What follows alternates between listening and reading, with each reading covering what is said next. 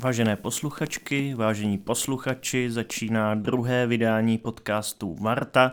Já jsem Jan Škrop a dneska tady vítám Anu Luňákovou. Ahoj. Ahoj. Anna Luňáková se narodila v roce 1993, vystudovala filozofii a divadlo, je doktorantkou na Filozofické fakultě Univerzity Karlovy, kde se věnuje francouzsky psané literatuře.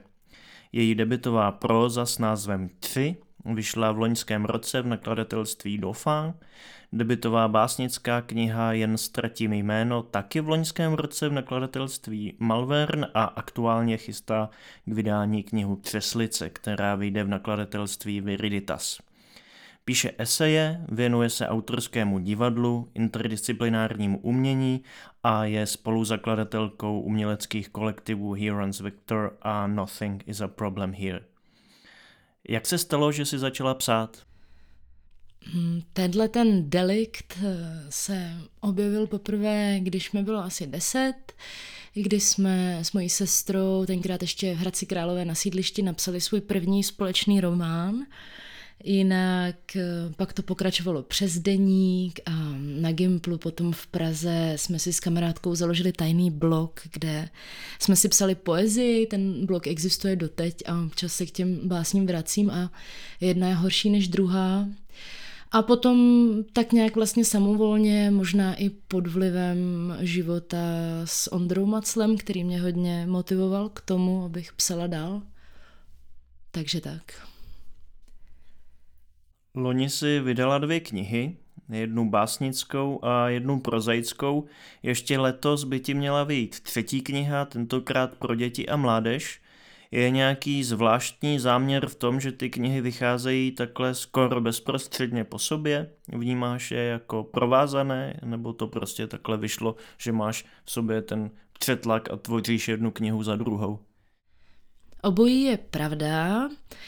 Eh, co se týče toho románu nebo možná experimentální novely, ono to není moc dlouhé, co vyšlo eh, v Dauphinu, tak eh, tu jsem skutečně psala souběžně s tou poezí nebo s těmi básnickými pásmy, které vyšly potom v Malvernu.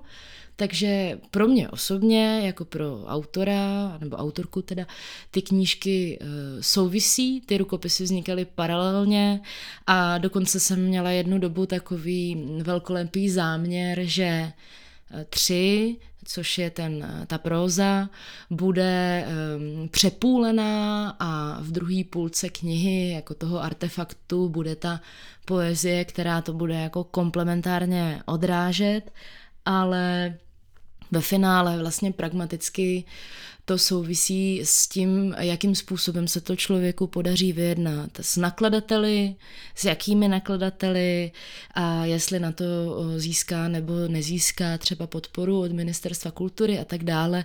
Takže vlastně obojí je pravda, bylo to tak zamýšlené, ale zároveň jak a kdy ty knihy výjdou, bylo výsledkem toho materiálního procesu, kterým ty rukopisy při, při vydávání uh, procházejí. No. A co se týče teda té třetí knihy, uh, Přeslice, tak uh, ta vznikla potom nezávisle na nich během vlastně prvního lockdownu, což je takový zápis do dějin, první lockdown, to znamená loni v březnu, kdy já jsem nemohla jít měsíc do práce a měla jsem povinný home office, takže jsem to využila k tomu, že jsem konečně měla čas napsat eh, dva roky starý uh, záměr, který jsem si hýčkala v hlavě a konečně jsem na něj měla měsíc čas, takže to ze mě právě takhle vypadlo, nebo jsem to vychrlila v době, kdy jsem věděla, že konečně můžu psát. No.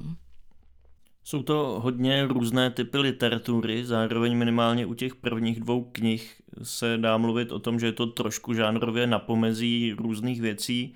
Vnímáš sama sebe jako básničku nebo jako prozaičku, nebo máš pocit, že tohle jsou nějaké uh, identifikační nálepky, které vůbec nejsou relevantní pro to, jak ty tvoříš? Opravdu obojí. Já se, uh, někdo mě někde tuhle označil za spisovatelku, A mě to vyděsilo, protože se necítím být spisovatelem. Nechci si tady hrát eh, jako na čapka, nebo jo, jako a kdo je to spisovatel a tak. Eh, já vlastně nevím. Je pravda, že píšu, daří se mi teďka, nebo podařilo se mi vydat dvě knihy, takže jsem oficiálně spisovatelka, ale necítím se tak. Nechci říct, že to je nálepka, ale necítím se tak. Ale ono to souvisí, a to zná asi každý autor, s tím, když si člověk píše medailonek, tak já se vždycky u toho trochu směju, protože tam často bývá filozofka, spisovatelka, herečka, režisérka, nyní teďka nově třeba filoložka, takže já vlastně, když si ve svých teda 27 aktuálních spočítám ty nálepky, které jsou pro mě pozitivní a určitě hrajou jako důležitou roli v nějakém pragmatickém procesu uměleckým, na kterém bohužel jako hodně záleží, tak na jednu stranu se tím prezentuju a na druhou stranu se člověk cítí spíš jako takový uh, štěně, který úplně neví přesně moc, co se děje, ale má vůli uh, něco dělat a chce to dělat, takže je to přesně někde mezi tím. Něk, někdy mám pocit, že mi je 80 a že mám všechny tyhle ty tituly a nálepky a někdy mám pocit, že vůbec nevím, co se děje a píšu třeba proto, abych od toho odešla co nejdál, takže je to takový no, paradox. Trošku si to zmínila teď, si známá taky svojí tvorbou v oblasti autorského divadla a s ním souvisejícími akcemi na pomezí divadla, performancí a happeningu, které často děláš ještě společně právě s Ondrou Maclem. Souvisí tohle pro tebe nějak s psaním? Inspiruje tě třeba nějak tenhle typ tvorby, který je dost tělesný k psaní, které je přece jenom víc v hlavě, nebo naopak? Souvisí to úplně. Teďka vlastně eh, se založením toho spolku, který už je teda úspěšně zapsaný spolek, já tomu říkám Heroni, prostě Herons Vector nebo Herons Vector, tak eh, tam to souvisí úplně třeba proto, že je, jednak je to autorské divadlo, ale autorské divadlo to je právě i co do textů, co do kolážovitosti eh, té tvorby, je, vlastně by se dalo říct, že to jsou nějaký extrémní způsoby autorského čtení a mm, ta vazba na, na tělo a na hlas tam je patrná a snažím se ji projektovat ze psaní do té divadelní tvorby a z divadelní tvorby zpátky do toho psaní. Třeba ta sbírka, nebo sbírka, ty dvě básnické pásma, jen ztratím jméno, mají spoustu v sobě jako nevyzrálých momentů, nebo už teďka vím, že jako za pár let si budu říkat, no nevím, a zároveň mi, já jsem se bavila o tom s Helenou Vernišovou a tam mi říkala, někdy jsou ty první věci, co napíšem, ty nejlepší. A pak se celý zbytek života jenom jako opakujeme, tak uvidíme, jak to bude, ale každopádně Každopádně to spolu hodně souvisí. A to jen ztratím jméno bylo třeba psaný jako vyloženě jako dialog, nebo mělo to, tendovalo to k tomu být psaný jako dialog, jako dva hlasy, který si odpovídají a můj takový tajný sen byl, že to budu eh, inscenovat následně, respektive, že k inscenaci stačí jenom vstoupit do divadelního prostoru a ten zbytek se dotvoří sám. A třeba Přeslice, teď jsem se rozmluvila, jsem to ani nečekala, ale třeba Přeslice, ta naopak je eh, ta knížka pro děti a mládež, co vyjde, tak ta je napsaná z divadla, protože původně vlastně vznikla jako moje závěrečné autorské představení na Damu, už dva roky zpátky, pak jsem to hodně přepracovala, jela jsem s tím na festival do Portugalska, do Setubalu, kde jsem to hrála. A teprve potom vlastně z živého divadelního představení, který mělo nějak nahozený scénář, vznikla tahle ta rozpracovaná kniha. Takže pro mě to souvisí úplně a je pravda, že ta zkušenost na jevišti mi hodně pomohla v tom dotvořit ten text, takže, takže jo. Úplně technicky, když děláš divadelní představení v Portugalsku a je to divadelní představení toho typu, že se z něj dá udělat kniha, překládá to někdo předtím, nebo je to něco za hranicí jazyka? Jak to, jak to probíhá, jak to funguje? Tohle je výtečná otázka, protože se pojí s anekdotou, nebudu z ní úplně, nebudu s ní úplně zdržovat, ale bylo to tak, že ano, byly připravené titulky, k představení. Eh, v technické kabině seděl právě Ondra Macel, který měl ty titulky během toho představení překlikávat. Fakt, že po dvou minutách představení, který trvalo hodinu, se přehřál projektor. Titulky tedy tím pádem přestaly fungovat, Ondra začal běhat tam a zpátky po schodech a celé to šlo jako úplně do jiných dimenzí, je, je teďka někde jinde. Takže já jsem vlastně ve finále to představení uh, odehrála v portugalštině, v hodně lámaný portugalštině, kterou jsem prokládala uh, kvazi rusínštinou, protože to bylo o mých předcích, který jsou uh, z podkarpatský Rusy, a babička, prababička a tak dále. Takže, takže, takhle, takže to souvisí, ne? Ale vlastně já si píšu libreta, který uh, jsou kolážovitý, to znamená, je tam, jsou tam i obrazy, ve smyslu, co se má dít na scéně, nějaký popis, jsou tam texty písní, jsou tam vložený obrazy, uh, práce s materiálem a to všechno prolínají texty a potom jenom riskuju a ohledávám, co se vejde do knihy a co už ne. Jak je pro tebe jako pro autorku významný vztah k Francii a francouzské kultuře? Protože v těch tvých knihách je patrný, že čerpáš z nějakých tradic, který ve Francii právě nebo ve, francouzsky, ve francouzskojazyčné kultuře mají kořeny. Ale klidně mě oprav, jestli to tak není, jenom mě to zajímá tady tahle ta vazba. Hmm. Ona ta vazba, vazba vlastně je primárně osobní, protože já jsem ve Francii žila uh, zhruba dva roky, dva a půl roku přerývavě na jihu Francie v městu, který se jmenuje Menton, což znamená v překladu Brada. Je to úplně poslední město ve Francii předtím, než člověk um, přijede do Itálie kde jsou levnější cigarety i jídlo, takže jsme vždycky chodili přes hranice nakupovat do Itálie a pak jsme chodili zase zpátky. Takže já jsem tam žila, byla jsem tam nejdřív na Erasmu, pak jsem se tam zamilovala a zůstala jsem tam. A pak jsem se dramaticky vracela zase zpátky.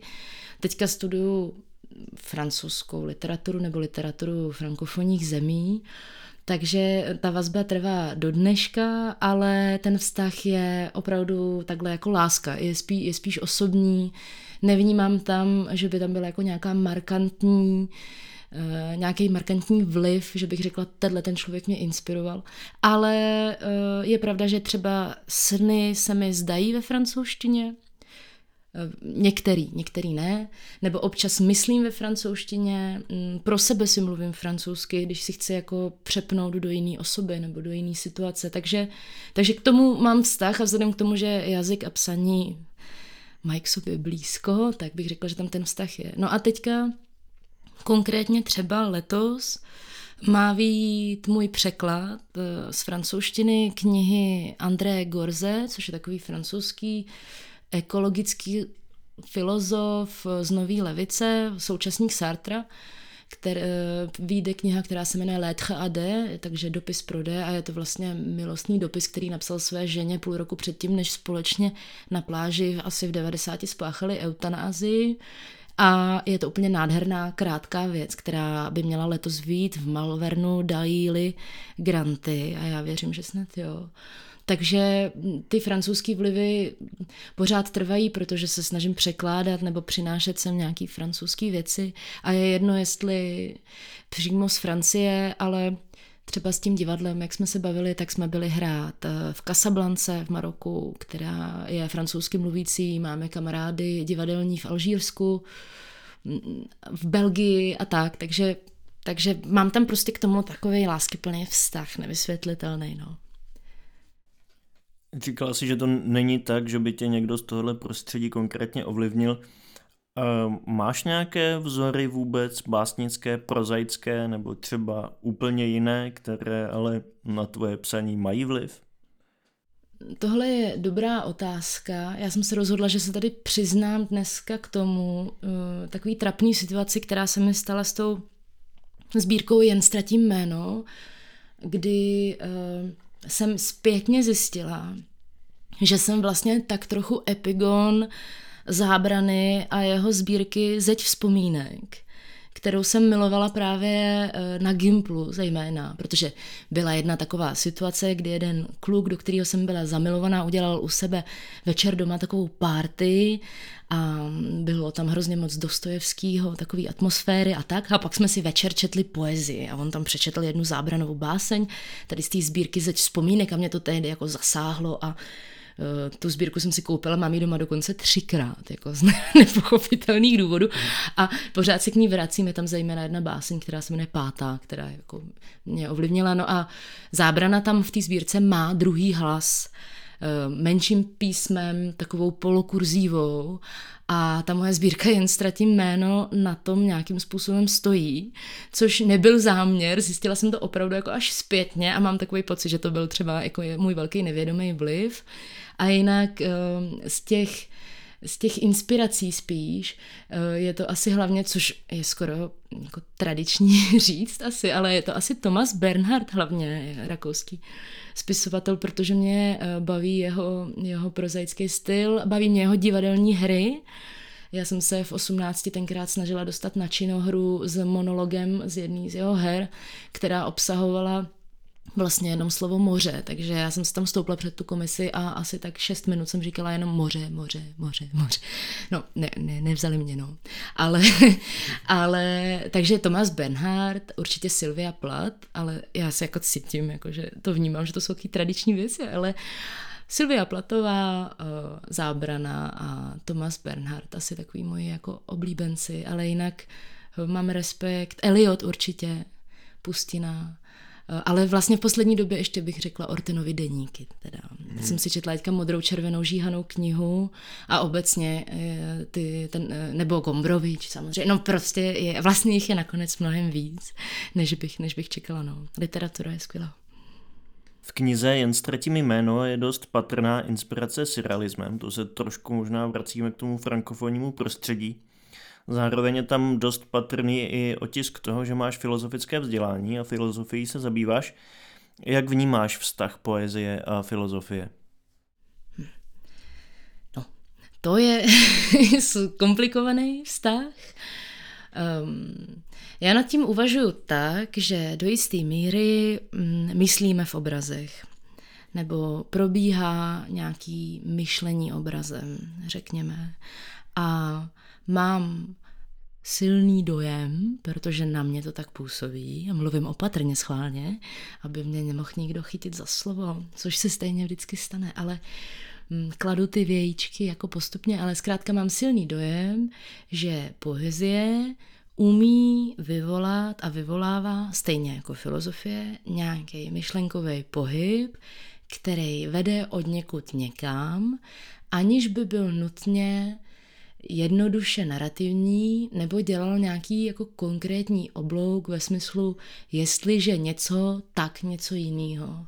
A obě tyhle ty literatury, protože já filozofii vnímám jako literaturu, ne jako vyčleněnou nějaký samostatný žánr, ale pro mě to je literatura, vždycky byla a ta poezie samozřejmě taky, tak eh, já tu filozofii vnímám jako básnickou v tom právě, do jaký míry je schopná takhle hýbat s myšlením a poezie to dělá taky. Poezie to dělá asi líp, ale když si vezme člověk třeba taky zůstanu u takových oblíbených věcí, tak když si veme Deléze třeba a jeho tisíc plošin a začne to číst, no tak to člověkem hýbe úplně stejným způsobem nebo stejně intenzivním způsobem jako, jako nějaká poezie, která ho oslavuje. Takže ten vztah je asi zejména tenhle ten. A je pravda, že já jsem v tom trochu extremista, nedělám to schválně, ale Děje se to, že moje poezie není třeba mnohdy dostatečně lehká ale baví mě jí jako špikovat nějakýma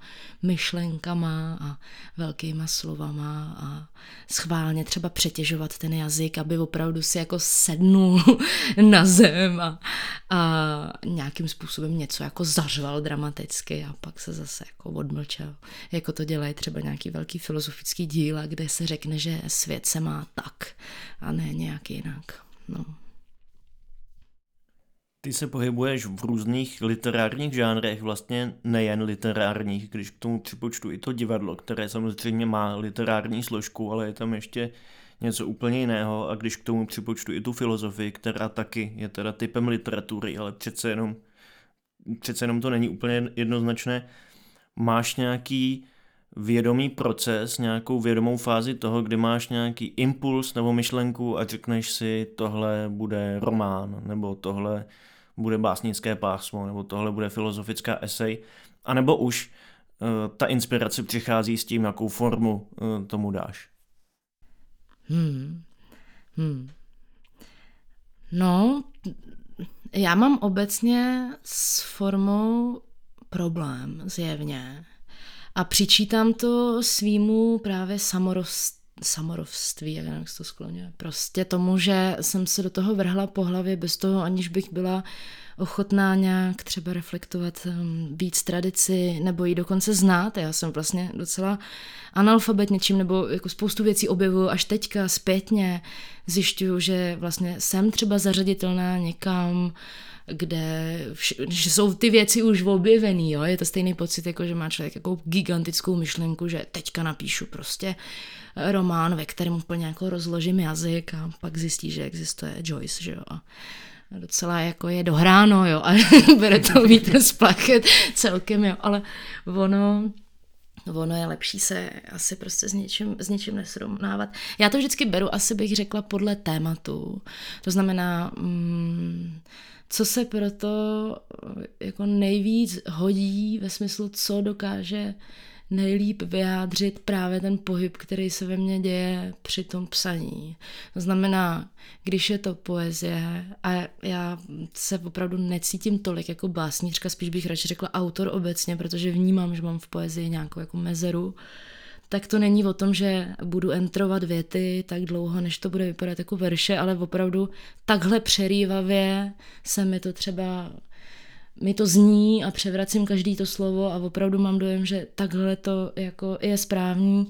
Čtu si ty věci nahlas, opakuju si je vlastně pořád dokola a když v tom cítím rytmus, a což se děje i v proze, nebo v jakýkoliv věci, kterou píšu, když mám pocit, že jako to je to, co tomu odpovídá, tak to potom takhle nechám a zpětně z toho vyleze, že jasně, tohle je spíš eseistický, tohle je spíš něco jako experimentální proza a tak. Teď nevím, jestli jsem odpověděla, asi jo. Jak volím formu? Já myslím, že jo. Já myslím, jo. Já myslím, já myslím že, že že se odpověděla. Jo, jako to, že třeba Přeslice bude knížka pro děti a mládež takzvaně, tak eh, to vychází prostě z toho, že um, já osobně, to bude znít opravdu zvláštně, ale mám v hlavě nějaký typ eh, kategorie děti a mládež, který prostě mm, přemýšlejí nějakým konkrétním způsobem. To znamená, já jsem tu knížku nepsala s tím, že je pro děti a mládež. Já jsem napsala ten rukopis a vyhodnotila jsem to tak, tohle by mohla být knížka pro děti a mládež. Jasně. Ale myslím si, že ji budou moc číst jako úplně v klidu kdokoliv, kdo bude schopný číst vlastně. Takže, takže asi takhle no. Už jsme mluvili o tom, že ti loni vyšly dvě knihy a ještě teda letos vyjde ta Třeslice, o které jsme mluvili teď, ta už je hotová. Pracuješ už zároveň na nějakých dalších věcech? Bude to zase něco úplně jiného, nebo, nebo možná na, budeš navazovat naopak na něco z toho, co teď vyšlo a bude vycházet? Pracuju teďka, zas, za, teďka cítím jako self, um, jak se řekne, sebeironický komentář, protože nepracuju, ale pracuju. Poslední měsíc jsem na to vůbec neměla čas, ale obecně se dá říci, že ano, pracuji Jasně. na dalším rukopisu, jsem jako vlastně takřka hotová. Ono totiž mě teďka právě lehce zdržuje v uvozovkách, ale velmi pozitivně mě zdržuje to, že jak jsem na doktorátu, tak já píšu, eh, nebo mám psát monografii o takovém ztraceném českým básníkovi, který se jmenuje Jiří Wolf. A ta monografie, opravdu, která knižně vyjde eh, v řádu třeba dvou let, je jako důležitou věcí řekněme, jako v historii literatury český a nějaký kritický reflexe a tak. To je básník, který existoval, vydával ve Francii, původně Čech a nikdo ho tady nezná, takže vlastně jako přináším v Psal francouzsky.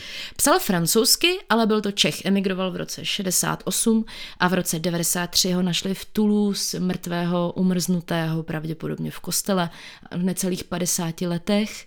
Byl to takový extrémní podvín, vypadá to, že se znal s celou francouzskou exilovou scénou, včetně Jiřího Koláře, ale co jsem se zatím dopátrala pamětníku, tak ty se zase k němu nehlásej, ale mám takovou francouzskou partu takových starých dědů, asi 75 letech, který Jirku znali a pomohli mu vydávat ty jeho věci ve Francii, takže já vlastně spolu s Kašparem Páleníčkem, respektive spolu Kašpar Páleníček za mě přeložil eh, básnickou sbírku Jiřího Wolfa, která vyjde bilingvně a já píšu tu monografii.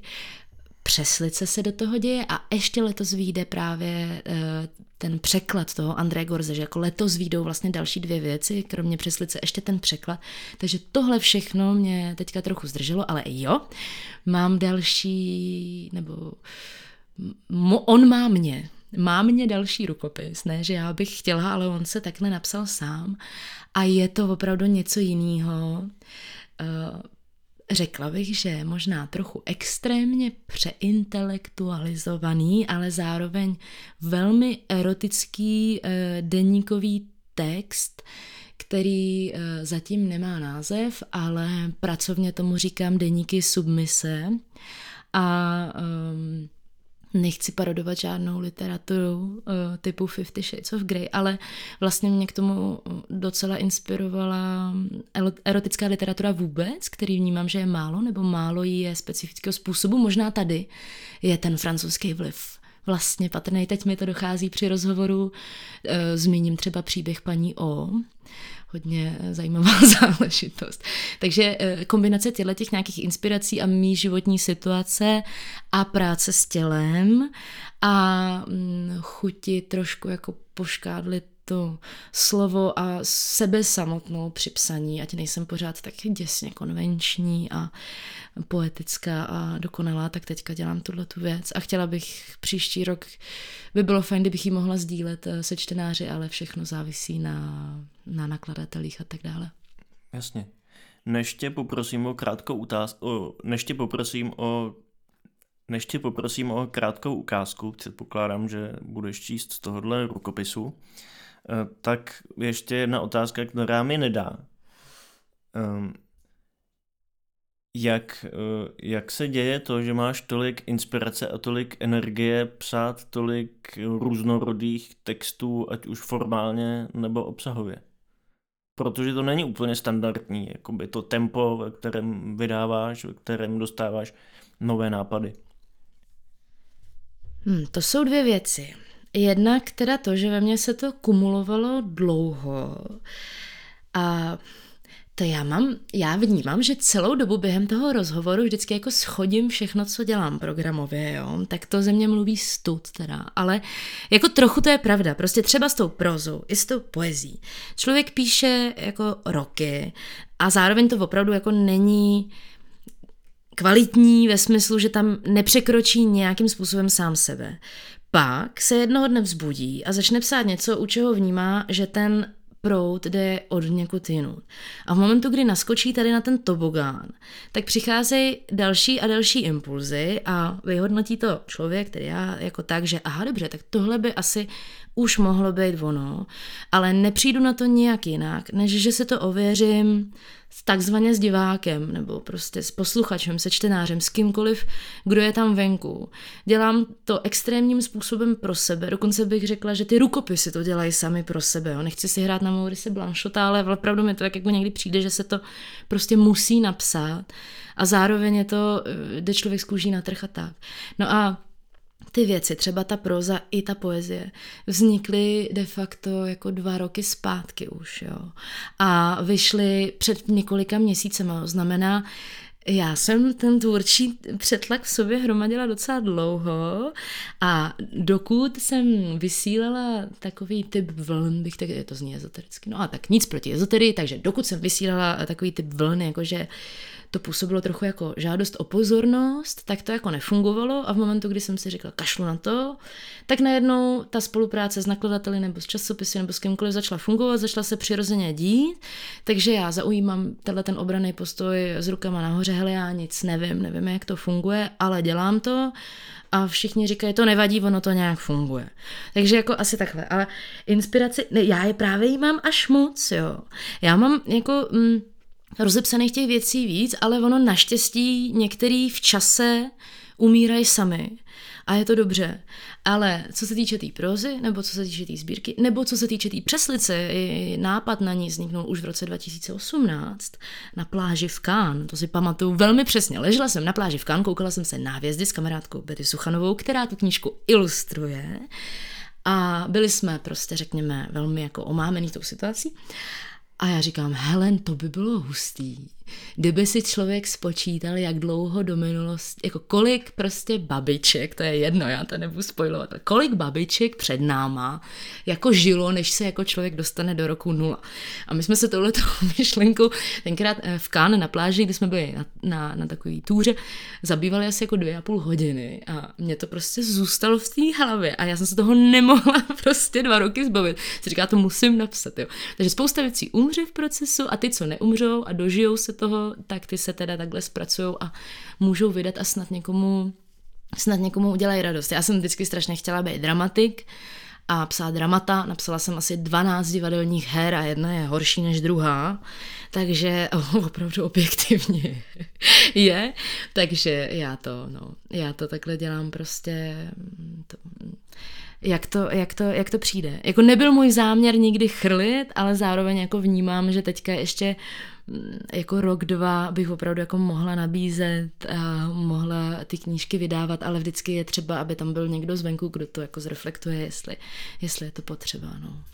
to když tak vybiju na tom divadle. Já jsem teďka začala klasicky zpívat, což mi taky nejde, ale strašně mě to baví. Takže já budu když tak zpívat a hrát na synťáky a bude to taky v pohodě. Dík, eh, díky moc. Tak já možná úplně na závěr tě poprosím teda o krátkou ukázku z toho rukopisu. Už má název, nebo to ještě je v procesu? Má jenom pracovní název. Opravdu jsou to deníky vlastně. Předtím jsem říkala deníky submise, říkám tomu deníky. Je to jako inspirovaný submisivní povahou, to uslyšíte. Uh, jak se to bude doopravdy jmenovat? Ještě jsme teda, uh, no, já jsem to totiž tak trochu konzultovala s různýma lidma, ještě zvažujeme název holčiny, jo.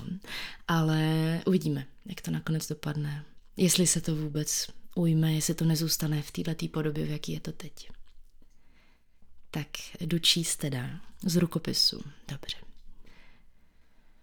Submisivita není něco, s čím se člověk narodí.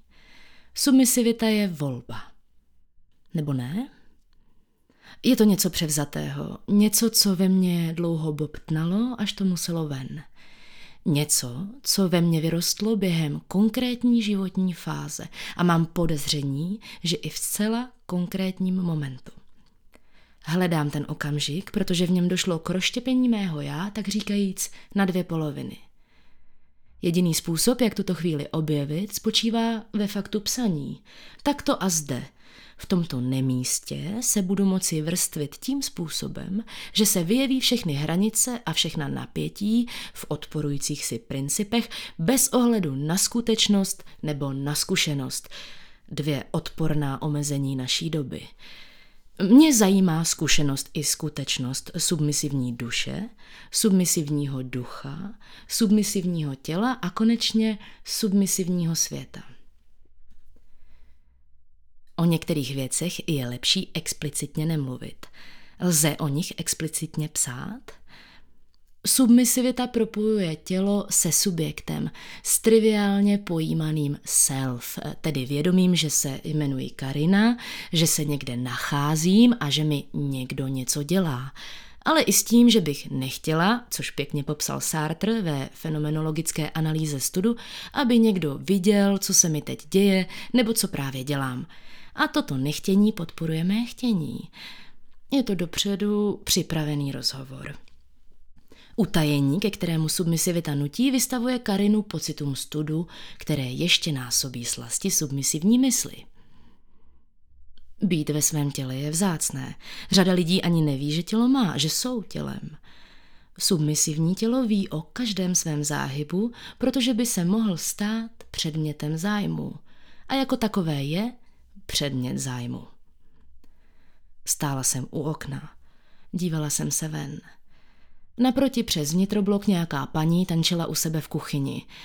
Kuchyň na mě působila provencálsky. Vím, že jsem si toho všimla. Všimla jsem si toho a dál jsem stála zády k němu s pohledem rozpuštěným v tančící ženě. Měla jsem dojem, jako by se mi kůže na zádech napínala k prasknutí.